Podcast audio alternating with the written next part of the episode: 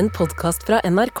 Hør alle episodene kun i appen NRK Radio. Kristian Lomsdalen er religionsviter, statsviter, lektor og leder for Human-Etisk Forbund. Noe han har vært siden 2021. Ved siden av å være lederen av verdens største sekulære livssynsorganisasjon, er han en ivrig samfunnsdebutant. Han har skrevet over 400 leserinnlegg i landets aviser, og utgitt 470 podkastepisoder om ståa i norsk skole. Dette er Drivkraft med Vegard Larsen i NRK P2. Kristian Lomsdalen, velkommen til Drivkraft. Tusen takk for at jeg har fått lov til å komme hit. Hvordan har du det? Jeg har det ganske bra. Jeg har fått sitte ute og slappe av og jobbet litt her mens jeg har ventet på at vi skal komme i gang. Du kom eh, fryktelig tidlig, vil jeg si. Men eh, var, var det fordi at du kom rett fra Bergen, eller? Det var det. Vi må jo tilpasse oss til sesongen og flytidene. er det Altså, hvis vi spoler um, klokka tre uker tilbake i tid, cirka, uh, så holdt uh, Human-Etisk Forbund begravelsesseremonien til Shabana Rehman. Uh, hva var din rolle? Min rolle var å være seremonileder, Ja. og det var min første begravelse som jeg var seremonileder på. Ja. Jeg har ikke vært i så mange begravelser heller, for den saks skyld, men det var min første. Og da var jeg den som holdt talen for Shabana Rehman fra Human-Etisk Forbund, og jeg var den som holdt føringen mellom de ulike oppleggene i løpet av seremonien. Hvorfor ble det deg? Det ble nok meg fordi at eh, jeg er styreleder, og at eh, dette var en veldig stor hendelse i forbundets historie. Dette er første gangen Human-Etisk Forbund har gjennomført en begravelse på statens bekostning. Og det er jo en stor ære for den som er avdød. Eller de ville nok kanskje syntes det hvis de fremdeles var i live. Det er jo litt vanskelig å måle. Men det er jo selvfølgelig også en stor ære for Human-Etisk Forbund som organisasjon at vi også er med i dette fellesskapet i samfunnet, som også kan være med på å holde denne typen seremonier. Og så har det jo vært ikke-religiøse seremonier for tidligere personer som har fått da denne æresbegunstningen, men ingen som har blitt gjennomført fra Human-Etisk Forbund tidligere. Hva er en slags seier? Jeg vil ikke nødvendigvis omtale det som en seier, men jeg vil jo definitivt eh, omtale det som en milepæl, for dette handler jo om at Human-Etisk Forbund ikke lenger kanskje kan sies å være et alternativ til noe, eller en opprører mot noe, men at vi er en del av det store livssynsfellesskapet i Norge, og at vi anerkjennes som en seriøs aktør på linje med andre. Og det tror jeg er viktig for eh, det mangfoldet av livssynsbakgrunner, livssynstilhørighet som vi har i Norge, at også de som ikke har en tro på noe religiøst, har en organisasjon som anerkjennes som en i- deltakere deltaker i samfunnet. Hva er det viktigste med sånne seremonier, tenker du? Her er det jo veldig mye å peke på. Eh, Det er jo selvfølgelig fint at man markerer den som er død, og at vi feirer dens liv. Eh, At vi som er igjen, får en mulighet til å si ha det. Nå er det jo ingen som hører at man sier ha det til den, men det er veldig viktig for oss som er etterlatte. Og så har det noe å si om, for den humaniteten vi kan snakke om i samfunnet, altså måten vi ser på andre mennesker på. Og der er seremoniene viktige. Både de seremoniene som skjer mens personen er i live, men også de seremoniene som skjer til noen som ikke er der lenger. Så er jo de seremoniene for de som ikke er der lenger, de er jo da primært sett for de etterlatte. Men det handler jo om at vi tar et steg ut av den vanlige hverdagen.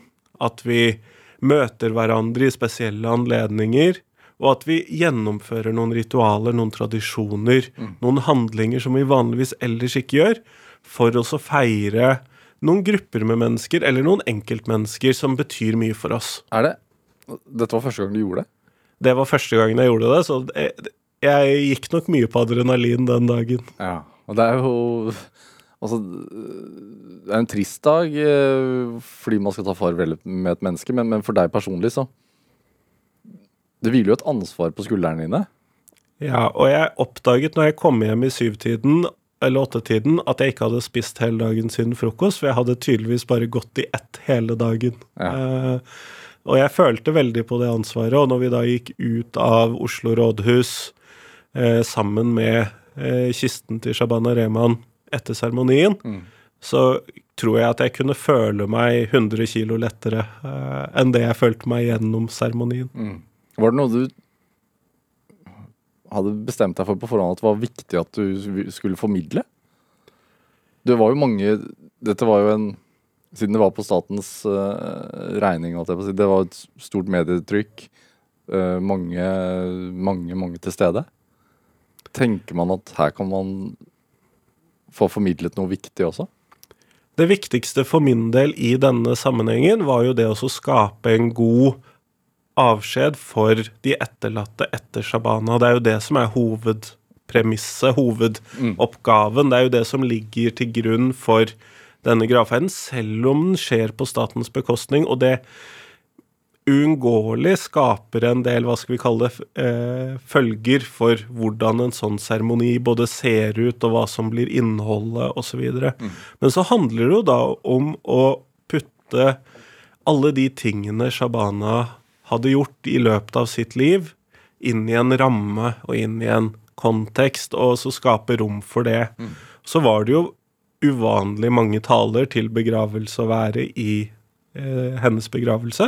Og det sier seg jo kanskje litt selv med tanke på at det var nettopp en sånn begravelse for en slik person. Og da er det jo viktig at man får plassert dette inn i den inn i de verdiene som Shabana sto for, og som Human-Etisk Forbund står for, og som vi da kan trekke fram i en sånn anledning.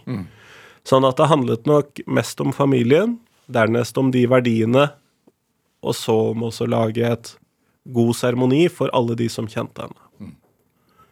Kommer du til å gjøre flere begravelsesseremonier? Altså, mm, mm, tar, skal du ta sertifiseringen? Jeg skal ta sertifiseringen. Jeg har faktisk holdt uh, tal... Eller jeg har lest dikt i en begravelse samme uka. Ja. Uh, som en liten sånn tilleggsoppgave. Men uh, jeg har tenkt å ta sertifiseringen for å bli fullverdig gravferdstaler i Human-Etisk Forbund. Fordi at det er en god opplevelse, og jeg tenker at det er viktig at jeg som styreleder er med på, eller har vært med på, eller kan gjøre alle de oppgavene som organisasjonen driver med, fordi at jeg må kjenne hvordan er det å være der ute som en av de mange frivillige i min organisasjon. Er det derfor også du nylig har tatt sånn øh, Vigsel, viks, Ja, Eh, Det er derfor. Ja. Og så tror jeg at det vil være utrolig fint. Jeg tror at jeg vil sette stor pris på de opplevelsene, og jeg tror at jeg vil kunne bidra med noe fint til eh, de parene som da gifter seg. Så det er en sånn ting. Men, men det viktigste er kanskje for meg dette med å vite hva organisasjonen min driver med, og vite hvordan det oppleves å være den som gjør disse oppgavene. Og jeg er jo frivillig i Human-Etisk Forbund, jeg er jo ikke ansatt i Human-Etisk Forbund. Og jeg ønsker å vite hvordan oppleves det å gjøre alle disse oppgavene. Hva, hvorfor er det viktig at du er frivillig og ikke ansatt? Vi er en frivillig organisasjon, og det er en veldig stor del av identiteten vår som organisasjon. Og så har vi veldig mange eh, flinke ansatte som bidrar og legger godt til rette for at vi som er frivillige, kan drive med det vi ønsker å drive med, eller skal drive med i organisasjonen. Eh, Så man skal ikke kimse av de ansatte, definitivt. Men eh, det er, en viktig del av min identitet som aktiv humanetiker at jeg eh, er der som frivillig. På hvilken måte skiller seremoniene dere seg fra si, de klassisk kristne? Bortsett fra selvfølgelig det opplagte, da, at man prater ikke om, om Bibel og, og Gud og Jesus. Og dette spurte TV 2 meg om i forkant av begravelsen til Shabana Rehman også, og det syns jeg var et eh, godt spørsmål som var litt krevende å svare på. Men kanskje det viktigste jeg må si, er at det på mange måter så ligner de. De har noen kulturelle innslag, de har noen musikalske innslag inni det. De har en eller annen form for rytme. De har et høydepunkt, eh, osv. Der, der er det en del sånne fellestrekk. Samtidig så er det noen klare forskjeller. Dette handler jo da primært sett om én person, den personen som står i midten av seremonien, så kan det selvfølgelig være en navnefest, og da er det 20 personer, men da er det de 20 barna som er i sentrum, og ingen andre som ikke er til stede på seremonien. Mens man f.eks. i en kristen seremoni så vil det jo handle om Gud, Jesus og andre, hva skal vi kalle det, fremmedelementer. Og nå ser ingen at jeg gjør gåsetegn, men uh, fremmedelementer inn i den seremonien. Sånn at det handler om den det gjelder. Mm. Vi setter mennesket i sentrum. Det er uh, et annet uh, program her i, i P2 som heter Kompass, som sendes etter oss på hverdager. Jeg hadde nylig en sak om, som handla om hvem som skal få lov til å legge føringer på en begravelse.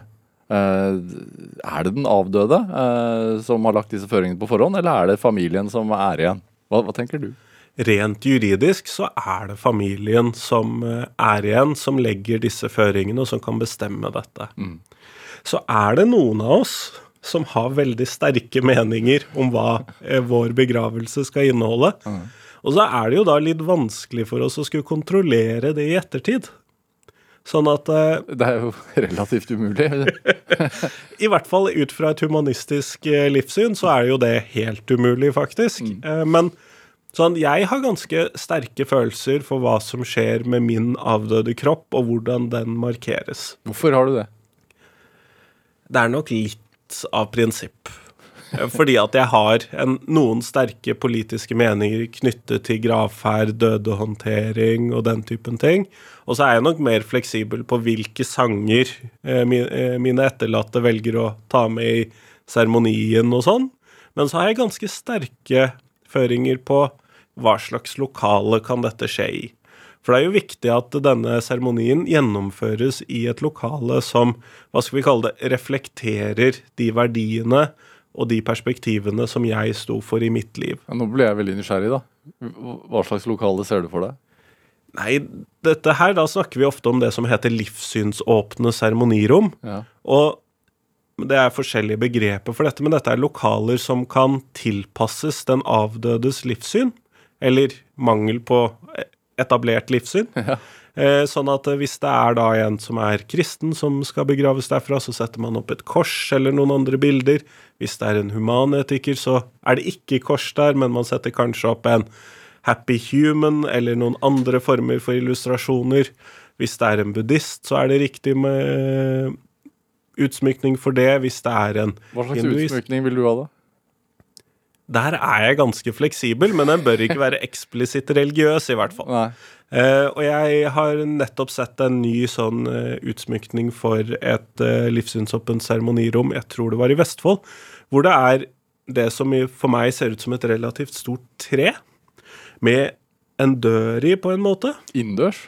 ja, det, det, er faktisk en vev. Ja.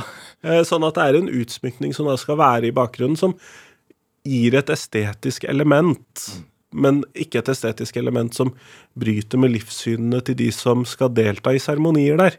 Og så setter man inn de ønskede tilleggseffektene for å tilpasse rommet til den det gjelder. Det med tre Jeg skjønner det, hvorfor, hvorfor du trekker fram det, for jeg leste en sak uh, om deg på tv2.no, hvor, hvor, du sier at du har et ønske om å bli uh, gjort om til hagekompost. Eh, når livet er over. Ja, og dette er jo noen av de tingene jeg har ganske sterke politiske føringer for når det kommer til hva skal vi kalle det, håndteringen av min døde kropp. Ja. For sånn som det er i dag, så har man mulighet til kistebegravelse, urnenedsettelse og askespredning hvis man har søkt om det. Mm.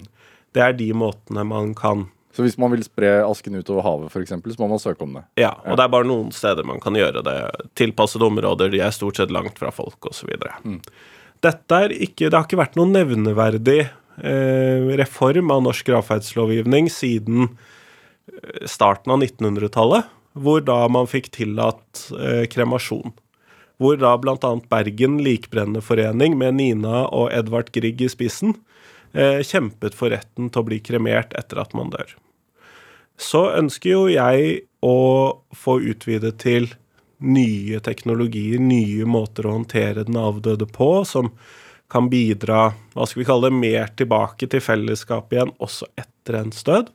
I den nye gravferdsloven som eh, nå trådte i kraft ved Jeg husker ikke akkurat hvilket år, om det var i år eller om det var i fjor. Det får noen eh, arrestere meg på etterpå. Eh, Så er det mulig å prøve ut nye teknologier. Noen snakker om vannkremasjon. Det gjør man bl.a. i Trondheim. Mens jeg ønsker det som heter såkalt rekompostering. Eh, og det heter rekompostering fordi at man da blir lagt i et system for å bli kompostert.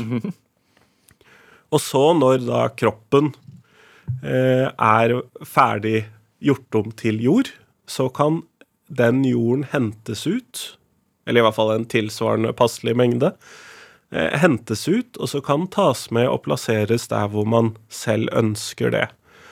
F.eks. For eksempel da i mitt ønske under et epletre, under bringebærene, eh, i hagen generelt, kanskje i plantekassen eller andre steder. Og dette vil jo være helt ren jord. Det vil ikke være noe skadelig eller noe som da kan være til hinder for eh, at man kan dyrke gulrøtter eller plante en squash eller et eller annet oppå dette. Det er jo litt morbid. Det er nok det, men det er nok primært sett det fordi at vi ikke er vant til det. Mm. jeg har, tenker også at f.eks. amerikanske eh, gravferdstradisjoner med mye balsamering, eller latinamerikanske tradisjoner med, hvor de legges på betong, eh, over, med betong over seg og rundt seg osv., fremstår som litt morbide eller uvante, kanskje jeg heller primært sett vil bruke. Sånn at dette handler nok primært sett om at vi ikke er vant til det. Så har vi andre måter, selvfølgelig, som da handler om at man eh, blir gravlagt sammen med eh, frø til et tre, eller den typen ting, sånn at man gir næring til nytt liv ganske direkte der hvor man plasseres. Sånn, eh, rekompostering er tillatt i en del amerikanske delstater, og man snakker om utvidelse i andre områder også. Sånn at det er eh, Det er jo fin, altså sånn Hvis man tenker på det helt sånn livsløpsmessig, så er det jo en mer naturlig Det er rett tilbake i livets sirkel, og Ja. det er jo det. Og jeg er uvanlig opptatt av kompost eh, generelt sett. ok. Det tror jeg er noe jeg har arvet etter min far, som også har tilbrakt mange timer i komposten. Har du kompost? Ja, jeg har Binge? veldig store kompostbenger. Ja. Eh, både jordfabrikktype til bokashi fra matavfallet. Ja. Der har vi Kombashi, som er eh, bokashi. Sånn fermentering. fermenteringste og sånn? Ja. Ja.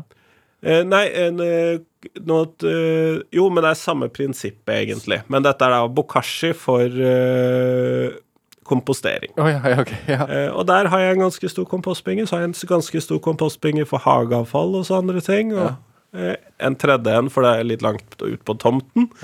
Og så har vi ganske store plantekasser for selvdyrking av hvitløk og grønnkål og spinat og knutekål og jeg vet ikke hva min kone planter. Jeg har ansvar for ting som skal dø i hagen, og for å få det til å bli ny jord. Ja. Og så har hun ansvar for å Hva skal vi kalle det? Sørge for at det blir ny mat ut av det. Men hva med gravstein, da? Hvis du blir til en Satt på spissen en gulrot. Unnskyld. Jo, men vi vi kan gå for gulrot. Eh, Jeg er ikke så veldig opptatt av gravstein. Men i, i verste fall, da, eller hvis mine, mine etterlatte ønsker det, så kan man jo sette opp en sånn liten minneplakett. Noe av det fineste jeg så når jeg var i Storbritannia i fjor sommer for eh, de in møtet i den internasjonale humanistorganisasjonen, var alle disse benkene som var satt ut i parker. Noen minneparker. Nei, minnebenker. Ja, og Ja. hvor man da kjøper en benk, og så får for den eh, Og så setter man opp her. Dette her er benken til tante Olga og onkel Knut, og de satt her hver dag i 30 år, og dette er kjempekoselig. Sånn som den, man ser i filmen Notting Hill, for eksempel. for eksempel. Ja. Uh, og jeg syns det er Det ville vært glimrende. Hvis den benken da kunne settes opp med en sånn liten plankett, eller kanskje den festes på muren i nærheten av der hvor min jord ble brukt. Ja. Og så vil det jo ikke være noen minner etter min jord, mine jordrester, etter Det tar ikke veldig lang tid før de er spist opp av resten av eh, jorden i hagen. Men øh, det vil være litt fint, hvis mine etterlatte først ønsker det. Dette er Drivkraft med Vegard Larsen i NRK P2. Og i dag er eh, lederen av Human-Etisk Forbund, Kristian Lomsdalen, her hos meg i Drivkraft på NRK P2. Det, Human-Etisk Forbund også det, Hva er det egentlig? det så, jeg, jeg, veit jo, dere har jobbet eh, hardt og målrettet i, i mange, mange år. Uh, F.eks. for for å eh, gjøre om på religionsundervisningen, eller kristendomsundervisningen, da, som det het før, i skolen blant annet. Hva mer er det dere, dere har gjort eh, så, som du vil trekke frem som du er stolt av?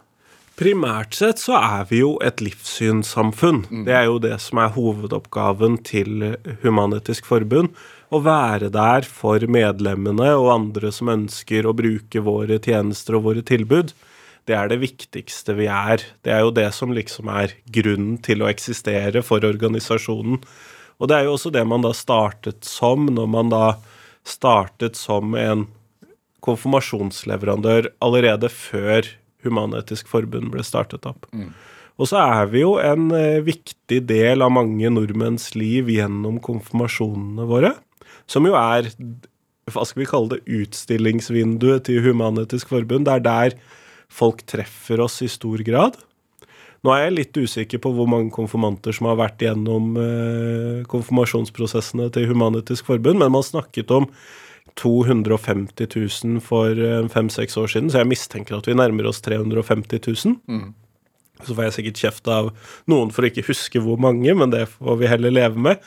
Og så er det jo da Dette er jo det som gjør oss viktige i folks liv, det å være til stede i folks liv, sammen med disse da gravferdsseremoniene, navnefestseremoniene, vigselseremoniene, alle disse tingene som gjør så, For å være til stede for folk i deres liv. Men hva er forskjellen på f.eks. For å, å gifte seg borgerlig eller gjennom dere? Når man gifter seg borgerlig, så er jo det da Det var tidligere på tinghuset. Det har jeg gjort en gang. Eh, og så er, eller nå på rådhuset. For nå er det blitt overført fra domsmyndighetene til eh, de kommunale myndighetene. Og så er det litt forskjellig fra kommune til kommune hvem i kommunen som har fått denne oppgaven. Noen steder så får man ordføreren glatt, og andre steder er det litt vanskelig. Noen ganger vil man ikke ha ordføreren heller, kanskje. eh, men der er det en ganske kort seremoni vanligvis. Eh, det er stort sett bare det juridiske. Eh, et enkelt formular, og så er man ferdig. Mm. det er ikke så mye Man blir ikke godt kjent med den som eh, holder vigselen, og man eh, Det snakkes ikke så veldig mye om de det gjelder. Det er, det er det juridiske som skal på plass, og ferdig.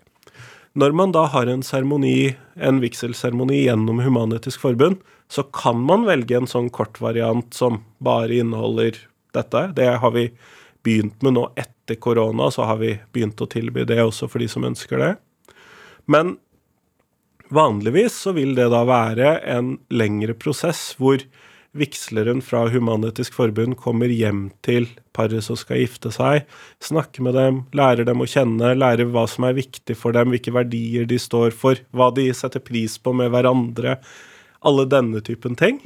En ganske lang samtale. Jeg mener å huske at det tok to timer jeg, når jeg skulle gifte meg nå, bare med det der første sånn hovedintervjuet. Så de blir ordentlig kjent med paret som det dreier seg om. og Nettopp fordi at seremonien skal handle om det paret og det livet de har, og det livet de står for.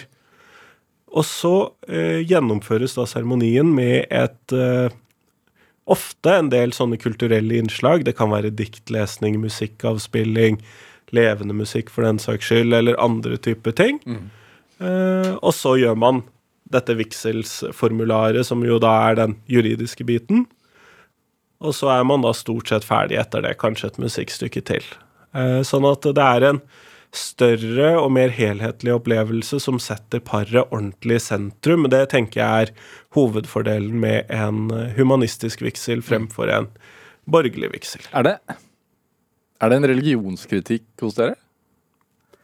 Vi har det, det kommer an på mest hva du regner som religionskritikk. Noen mener jo at det er religionskritikk bare det faktum at Human-Etisk Forbund eksisterer. Bare det at vi tilbyr ikke-religiøse seremonier, opplever jo noen som religionskritikk. Og så er jo jeg egentlig ganske uenig i det. Jeg mener nok at det ikke er en riktig måte å se på religionskritikk på. At da muligens er man litt hårsår når det kommer til ens egen religion, hvis, det, hvis bare det å eksistere utenom dette er en form for religionskritikk. Um, og så kommer det litt an på igjen hvordan man regner religionskritikk. fordi at hvis man regner det som religionskritikk at vi kritiserer staten for sammenblanding med eh, et religiøst samfunn og ikke likeverdig behandling av alle de andre tros- og livssynssamfunnene og den typen aspekter. Hvis den typen kritikk er religionskritikk, så driver vi ganske mye med religionskritikk. Mm. Uh, men kritikk av religion som sådan for å være religion, driver vi i liten grad med. Ja. Men det er viktig at vi kommer med religionskritikk når ulike religiøse grupper, ulike religiøse samfunn, har praksis som krenker menneskerettighetene til grupper i samfunnet, når man har praksis som reduserer likebehandlingen og likeverdigheten til mennesker, da er det viktig at man som eh, livssynssamfunn også hever stemmen for å si at dette er galt, dette er uheldig, osv. Så mm. Eh, sånn at det, det er en religionskritikk i Human-Etisk Forbund, og den har vært i varierende grad til stede i forbundets historie. Eh, men det er viktig at det gjøres på riktig måte. Og vi har jo vedtatt eh, for noen år siden prinsipper for en eh, humanistisk livssynskritikk. Tros- og livssynskritikk. Og det er viktig fordi at det, det er viktig at den er kunnskapsbasert når man først skal komme med en slik kritikk av andre. Ja. Jo, man skal ikke legge under en stol at det finnes veldig mange billige måter å drive religionskritikk på, og da er det viktig at man tenker gjennom det når man er en så stor organisasjon som Human-Etisk Forbund. Hva, hva er humanisme egentlig, som du ser det? Humanisme, slik jeg ser det, er ganske mangedelt, men det viktigste ordet jeg ville trekke fram personlig, er omsorg. Eh, det er det som jeg Når jeg skal forklare hva som er mitt livssyn, så er det omsorg for andre. Og derfor du meldte deg inn også? jeg meldte meg inn fordi jeg hadde lyst til å bli konfirmasjonsleder. Eh, jeg hadde jo allerede da kommet fram til at eh, jo da, jeg var eh, nok antagelig mer ateist, altså hard ateist, heller enn å være en litt mykere ateist, som vi ofte kaller agnostiker. Jeg hadde funnet ut at Human-Etisk Forbund antagelig var det riktige livssynssamfunnet da for meg. Eh, og så hadde jeg lyst til å bli konfirmasjonsleder. Jeg holdt på å utdanne meg til å bli lærer. Mm. Jeg var vel jeg husker, Jo, jeg var ferdig lærer. Uh, og så fant jeg ut jeg har lyst til å bli konfirmasjonsleder. Dette tror jeg blir, er riktig for meg. Hvorfor var det et ønske? Jeg er veldig åpen for alt som er gøy. Og det hørtes gøy ut. Jo, men du får muligheten til å treffe 14-15-åringer som er uh, opptatt av noe, som har valgt av dette kurset, som er midt i en brytningsperiode, og du får snakke med dem om temaer som man ofte ikke har så god tid til, og på måter som man ikke har, ofte har så god tid til i skolen, eh, og ta opp temaer ut ifra en litt annen vinkling enn på skolen. Og det hørtes for min del veldig spennende ut, eh, sånn at da valgte jeg det. Jeg ble jo lærer på videregående skole og ikke i ungdomsskolen. Og jeg må jo innrømme at jeg savnet litt tanken på å stå i det sosiale spillet som er en viktig del av det å være ungdomsskolelærer, men som kanskje i mindre grad er til stede på videregående skole. Påvirke de før det har satt seg? Nei, ikke nødvendigvis påvirkningen, men muligheten til å fordi at de er på et annet sted i livet på bare de få korte årene som går fra konfirmasjonstiden til videregående skole. Ja. Og rollen er annerledes. Og så er jo konfirmasjonstiden er der den er av historiske og religiøse årsaker. Det er ikke noe hva skal vi kalle fornuftsargument for hvorfor den er i 14-15-årsalderen. Hvem var du som 14-15-åring? Var du punker da? Nei, 14-15-årig eh, Christian var uh, jeg tror han også hadde lyst til å sjokkere folk. Eh, det hadde jeg lyst til senere. Eh, da bodde jeg på Gran Canaria og gikk til konfirmasjon i sjømannskirken på Gran Canaria. Jeg mistenker at det er noen som hører på her som har giftet seg der, f.eks., siden det er en av de mest populære stedene å gifte seg i i gåseøynene i Norge. Ja. um, og var en aktiv del av uh, det ungdomsmiljøet, norske ungdomsmiljøet som var da på Gran Canaria på den tiden. Mm. vi hadde også bodd der da ganske lenge. Eh, vi bodde der til sammen i fire år. Så dette var i det tredje året jeg bodde der. Sånn at eh, Samtidig, eh, 14 år gamle Christian var nok også i en hva skal vi kalle brytningsfase med å oppdage og komme ut som skeiv i tillegg. Sånn at eh, det var nok mye som skjedde i 14 år gamle Christians liv. Eh, vi skal høre litt musikk. Det skal vi. Eh, grunnen til at jeg spurte var du punker da, var fordi at du, du har med en, en låt av Moddi som heter Punk Prayer. Og så har jeg sett bilder av deg med hanekam. Ja, men den kom faktisk veldig mye senere. Eh, Jeg hadde en periode på videregående som eh, goter, altså svartkledd nagler og den typen ting. Men hanekammen den hadde jeg ikke selvtillit til før godt ut i 30-årsalderen. Ja, Men denne låten, hva betyr den for deg? Eh, Dette er jo da Moddi sin gjengivning av eh, Pussy Riot sin Punk Prayer. Eh, den er en veldig krevende sang. Den er jo laget som en kritikk av den russisk-ortodokse kirken i Putins Russland i 2012. Eh, de har altså blitt dømt til fengsel og fått straffer for denne. Eh, Og det er jo det som er hele plateprosjektet til Moddi i forbindelse med den platen denne er på, at det er forbudte sanger. Um, og den er- retter en ganske dyp religionskritikk, en ganske feministisk og humanistisk religionskritikk av den russisk-ortodokse kirken. Eh, og jeg må innrømme at første gangen jeg hørte på denne, det var på et SAS-fly. Jeg var et eller annet sted jeg skulle på reise. Uh, så musikkvideoen på YouTube med Moddi som sitter utenfor en kirke på den russisk-norske grensen. Uh, jeg satt og gråt på flyet. Hvorfor traff det deg sånn? Det er noe med den der hele budskapet, hele den samfunnskritikken som ligger i denne låten, som ligger i de tingene den påpeker, i de tingene den kritiserer, som er uh, veldig treffende. Og så Det verste er jo at denne sangen er blitt mer og mer relevant. Det er jo derfor jeg valgte å ta den med her i dag, fordi at uh, med tanke på krigen i Ukraina og den, det at den er så religiøst forsvart eller argumentert for som det den er i Putins Russland, eh, viser bare hvor treffende denne sangen er.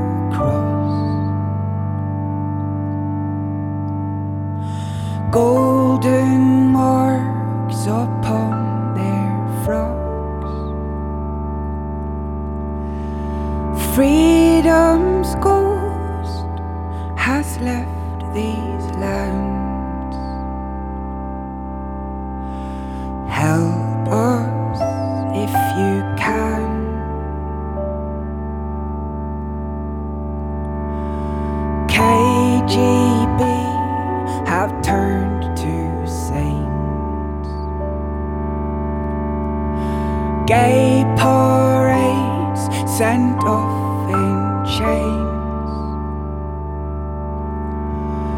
Blessed limousines congest the streets to hail their saint in chief. Holy Mary, drive Putin away. Drive away this from your halls. Drive away the ungodly souls. Our Lady, tear the eagle off your walls.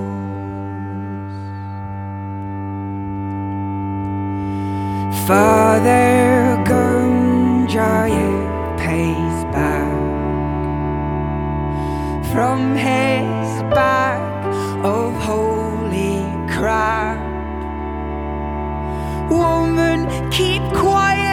and love your man your fate and fatherland.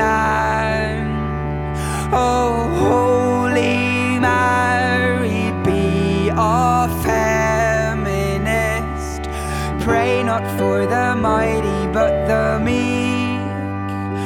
Drive away the lies that they speak. Our Lady, my prayer unto thee. Oh.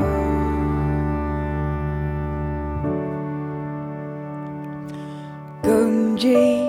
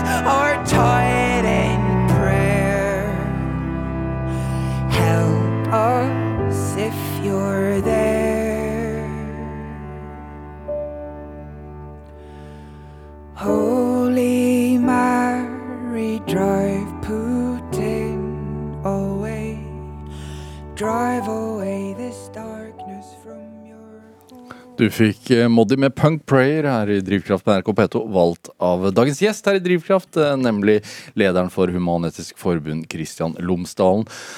Dette eh, opprøret i deg, altså Som jo da man kan spore en del år tilbake i tid, er det Hvor kommer det fra, tror du? Altså mot Er det da mot eh, regler gitt av andre, at eh, med dogmer, samfunnsstereotypier, hva er det hva er det, det er opprør mot?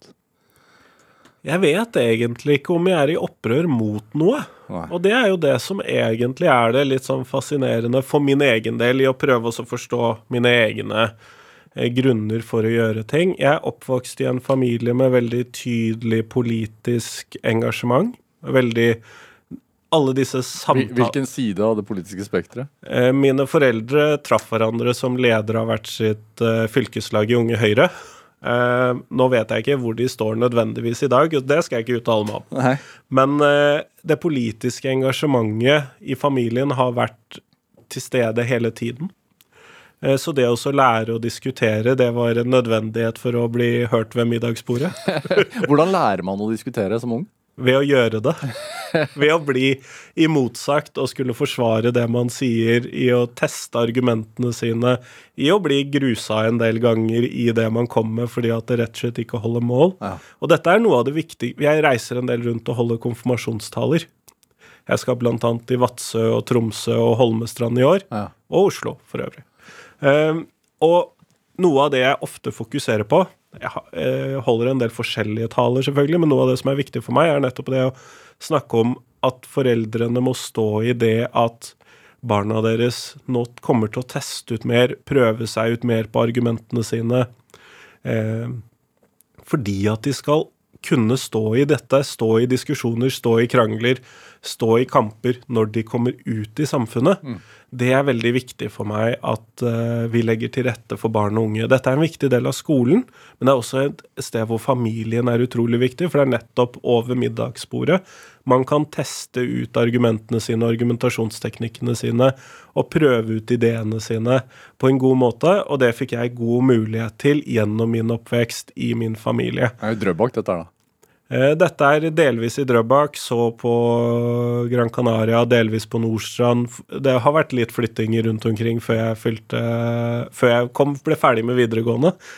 Hva, hva ble du utfordret på da, hjemme? Nei, alt mulig. Man kunne jo ikke komme noen argumenter uten at de ble imotsagt. Men eh, sånn at det, det har nok hele tiden ligget der. Og så har jeg jo et ønske om å gjøre ting Gjøre verden til et litt bedre sted når jeg går ut av den, enn når jeg kom inn. Og det å bidra til det gjennom at vi kjemper for ulike menneskerettigheter, kjemper for at ulike utsatte grupper skal få en bedre posisjon i samfunnet osv. Alle disse tingene. Så det jeg vil heller si at jeg jobber for å fremme noe, heller enn at jeg er i opprør mot noe. Egentlig så er jeg ganske lydhør for eh, offentlige autoriteter og den typen ting. sånn at eh, Men det koster meg svært lite å si dem imot også. Ja. Men hva, hva i deg er det som har trigget den kampviljen, tror du? Jeg syns det er grisegøy.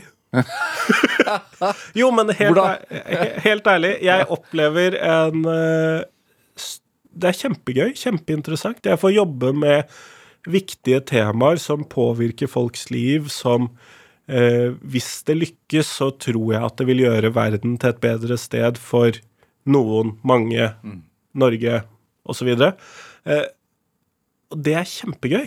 Det er kjempeinteressant. Sånn at man kan jo Det er en litt sånn egoistisk interesse i det at det faktisk er noe jeg trives med å gjøre. Men det er jo også viktig å skulle etterlate verden på et bedre sted enn det, der den var når man kom inn. Og det er jo mer den, hva skal vi kalle den allmennyttige siden av det. Og så har jeg for eksempel, da, du trakk opp dette med gravferd, og at jeg ønsker å bli kompostert tidligere. Eh, Og der har jeg jo et mål om at det skal være i boks før jeg trenger det sjøl. Så har jeg sagt at da må jeg lykkes med det på 35 år. Og det er mulig at det tar den tida. Men, og jeg tror at gjennom at vi har mer fleksible, flere typer gravferdsmuligheter tilgjengelig, så vil det kunne i større grad være tilpasset et moderne Norge med et stort livssynsmangfold. Det vil gagne mange. I tillegg så er det jo noen klare klimaproblemstillinger knyttet til eh, gravferd. Det er noen klare klima, eh, sånn arealproblemstillinger knyttet til gravferd. Og vi må jo innrømme det, at vi, vi har jo disse undersøkelsene som viser at mange steder så er det ikke egnede jordforhold for de døde kroppene, sånn at de blir brutt ned til jord. Eh, Dette fikser vi ikke helt sånn som det er i dag. Da trengs det en forbedring. Hvorfor flytta dere så mye? Spørsmålet er om vi flyttet så mye. det kommer jo an på hvordan du definerer det. Men jeg bodde jo i Drøbak til jeg var tolv år gammel. Ja. Så på grunn av det, så i forbindelse med Shabana Men fra Remans Drøbak til Gran Canaria er jo Ja. litt uvanlig. Det er det. Pappa jobbet på hotell i, på Gran Canaria, på Amfi Del Mar, som ligger i Argenigin. Hæ. Like i nærheten av norske skolen. Ja, Så dere bodde på hotellet? Nei, vi bodde utenfor. Jeg tror pappa hadde et eh, fornuftig ønske om å ikke bo på arbeidet. Eh, Det tror jeg kan være lurt. Ja. Um, og vi bodde der da i fire år. Uh, så flyttet vi hjem, og søsknene mine flyttet til eh, Drøbak. Jeg flyttet til Oslo, for da bodde mamma i Oslo. Og så etter ett år på videregående skole på Oslo Handelsgymnasium eh, her i Oslo, så dro jeg på utveksling med AFS til først Venezuela, og så til Honduras, når den politiske situasjonen i Venezuela ble litt for alvorlig til at vi kunne fortsette å være der. Som, som ung, ung mann eh, i, på Gran Canaria, da, fra du er, hva, hvor gammel var du? Fra du var Eh, Tolv til jeg ble ferdig med tiende klasse. ja, ganske formative år, da. Hva, hva lærer man om nordmenn der? Eh, man lærer veldig mye om nordmenn der. Eh, det er jo et mikrokosmos. Det er jo alle kjenner alle. Det er eh, det beste, av bygd, beste og verste av bygdedyret plassert i Syden og god varme. Samtidig så er det jo ingen tvil om at folk har veldig varierende motivasjon for å flytte til et sted som Gran Canaria. Dette kan handle om at man ønsker en eh, hverdag fri for helseplager og den typen ting, eller at man bare ønsker et eventyr for en periode, eller den typen ting. Men det er jo også mennesker som ikke flytter dit, men flykter fra Norge i forbindelse med at man ønsker å slippe unna barnevernet, en type overvåkning som man føler på, osv. Så videre. sånn at det er ganske varierte menneskeskjebner, og det forteller Sjømannskirken på Gran Canaria veldig ofte om, at de har en del problemstillinger knyttet til mennesker de er nødt til å ivareta, som nok hadde trengt å være en del av hjelpeapparatet i Norge på en eller annen måte. Mm. Sånn at det gir jo et Man kan jo få det samme sosiale mangfoldet på en helt ordinær byskole i Hvordan opplevde du å bo der, da? Kjempefint. Eh, Det er eh, storveis å bo på Gran Canaria. Ja. Eh, faren din drev med hotell, men hva gjorde moren din da du vokste opp? Da var mamma Hun jobbet da i Kommunaldepartementet, før hun senere ble dommer i tingretten i Oslo. Sånn at Da må man lære å argumentere, si. Det må man. Eh, Men hun er jo jurist, så det kan hun. Ja. Eh, Sånn at Ja, men eh, jeg tenker på barna òg, jeg. Ja, men eh, det var jo flere generasjoner med jurister her, så det går fint. Men hun bodde da i Norge, mens vi bodde med pappa på Gran Canaria. Hvorfor hadde du den utfartstrangen som du hadde? Altså når du flytter til Venezuela etter hvert og Det virket interessant. Det virket gøy. Eh, Jeg kunne litt spansk, ønsket å lære mer spansk. Jeg hadde vært på språkreiser til Spania osv. i løpet av tiden jeg bodde i Spania. Eh, Fordi at man lærer ikke nødvendigvis så veldig mye spansk av å bo i den norske kolonien på Gran Canaria. Eh, Men du lærer en del spansk ved å reise på språkreiser, og enda mer ved å reise på utveksling. Sånn at Jeg vet ikke hvor stor utferdstrang jeg hadde, men jeg hadde lyst til å gjøre ting som var gøy. Hvordan opplevde du religionen der? Eh, I eh, Sør-Amerika, i både i Venezuela og i Honduras, så gikk jeg på katolske privatskoler. Jeg gikk på først en augustinsk privatskole, og så på en fransiskansk privatskole. Og for de som er godt inne i den katolske kirke, så eh, gir dette mening å nevne forskjellene her. Men jeg hadde nonner som lærere, det var strenge religiøse regler. Eh, men det var nok kanskje det mer det politiske systemet i landet og hvordan det påvirket skolen, som kanskje ga den største forskjellen fra norsk skole når jeg gikk i Venezuela. Annet med en eh, oberst i faget premilitær, altså førmilitær, som inneholdt alt fra hvordan fungerer regjeringen, hvordan gjennomføres valg, til eh, hvordan sette sammen eh, håndvåpen og hvilke granater funker best på hvilke mål. Og så selvfølgelig marsjering og egen uniform for det faget. Jeg har også prøvd ut å ha skoleuniform, noe som også har gjort at jeg ikke er for skoleuniform i Norge i dag. Men hadde den eh, katolske skolen og, og, og et sånt samfunns... Hva skal man si? Strengt eh, samfunnshierarki, da. Eh, har det hatt noe å si for oppblomstringen av humanisten i det? Der tror jeg at jeg ikke helt vet hva jeg skal si, for jeg tror jeg var veldig interessert i religion allerede før det. Ja. Eh, Jeg var han guttungen da som satt og diskuterte med skolepresten. Eh, De andre Utfordret skolepresten? Nei, diskuterte med, ønsket å høre hva var det som skilte denne augustinske typen kristendom fra annen katolsk kristendom, og som utfordret med mine norske perspektiver, og lurte på hva deres perspektiver var. Trakk inn de tingene jeg hadde lært av den katolske kirken i Spania. Jeg er konfirmert i en katolsk kirkebygning, eh, selv om jeg ble konfirmert gjennom sjømannskirken. Eh, Sånn at jeg hadde en del erfaring med katolsk kristendom før jeg da kom til de settingene. Sånn at jeg har hele tiden vært veldig interessert i religion, og det er nok eh, noe som preger meg mer enn, hva skal vi kalle det, motstanden mot religion. Ja. Eh, jeg er ikke-troende. Ikke fordi at jeg ikke liker religion eller den typen ting. Jeg er ikke-troende fordi at jeg ikke har noen tro på disse overnaturlige elementene som de forteller i, om i sine religioner. Hvordan er det da for, å, for deg da Du er gift med en kristen kvinne. Det er jeg. Hvordan funker det, da? Det fungerer egentlig helt fint. Vi har egentlig veldig like livssyn. Ja. Eh, Vi står nok lengre fra hverandre på andre ting enn eh, enn på religionen, men hun har en årsaksforklaring som jeg ikke har. Hun tror at det finnes en gud som skapte dette, og som har formet de evolusjonære prosessene, den typen perspektiver. Den årsaksforklaringen har jo ikke jeg. Men vi deler jo mange av de samme verdiene. Norsk kristenhumanisme står jo ikke så veldig langt fra norsk sekulær humanisme, hvis man skal se etter på verdier og hva som er viktig for folk, og den typen elementer. Så, du- så du er åpen for at man kan velge rett og slett. Det er jo det, det Ja, du brenner jeg vil ikke velge for deg. Nei. Jeg vil at både du og jeg skal ha muligheten til å gå for det religiøse uttrykket, det livssynsuttrykket, ha de verdiene vi ønsker å ha. ha. Har vi en tro, så har vi en tro. Fint. Det er ikke min jobb å overbevise deg om at du tar feil. Mm. Det går helt fint for meg. Men jeg ønsker jo da en likebehandling i offentlige institusjoner og organer. Jeg ønsker at den norske stat skal eh, ta alle tros- og livssynssamfunn like seriøst og støtte dem på lik linje. Hvis de skal støtte dem, selvfølgelig, det er jo en politisk sak. Men eh, hvis den norske eh, stat ønsker å ha et forhold til ulike tros- og livssynssamfunn, så må det være på like fot. Det er viktig for meg. Så kan medlemmene av alle tros- og livssynssamfunn få lov til å være medlem der de ønsker å være.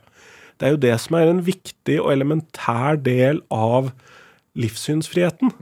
Det å kunne få lov til å ta disse valgene selv uten å være redd for å bli forfulgt for dette, drept for dette, fengslet for dette. Hvis vi tar min motpart, da, eh, lederen av de humanist, eh, humanistene i Nigeria. Han sitter nå fengslet på dag 1050, 1010, et eller annet. Over 1000 i hvert fall. Eh, han har vært fengslet i over 1000 dager fordi han er ateist. Eh, Det fins veldig mange land i verden hvor det er livsfarlig å være ikke-troende, være annerledestroende, være en som bryter med en tro. Og det er viktig at vi jobber for at dette skal bli bedre overalt, fordi at vi trenger som individer over hele verden å kunne selv velge hva vi tror på, hvilket politisk system vi tror er best, vi, hvordan vi vil innrette familiene våre, elske de vi ønsker å elske, osv., osv. Ja, for det resonnerer også til deg. Ja, ja. Er det eh,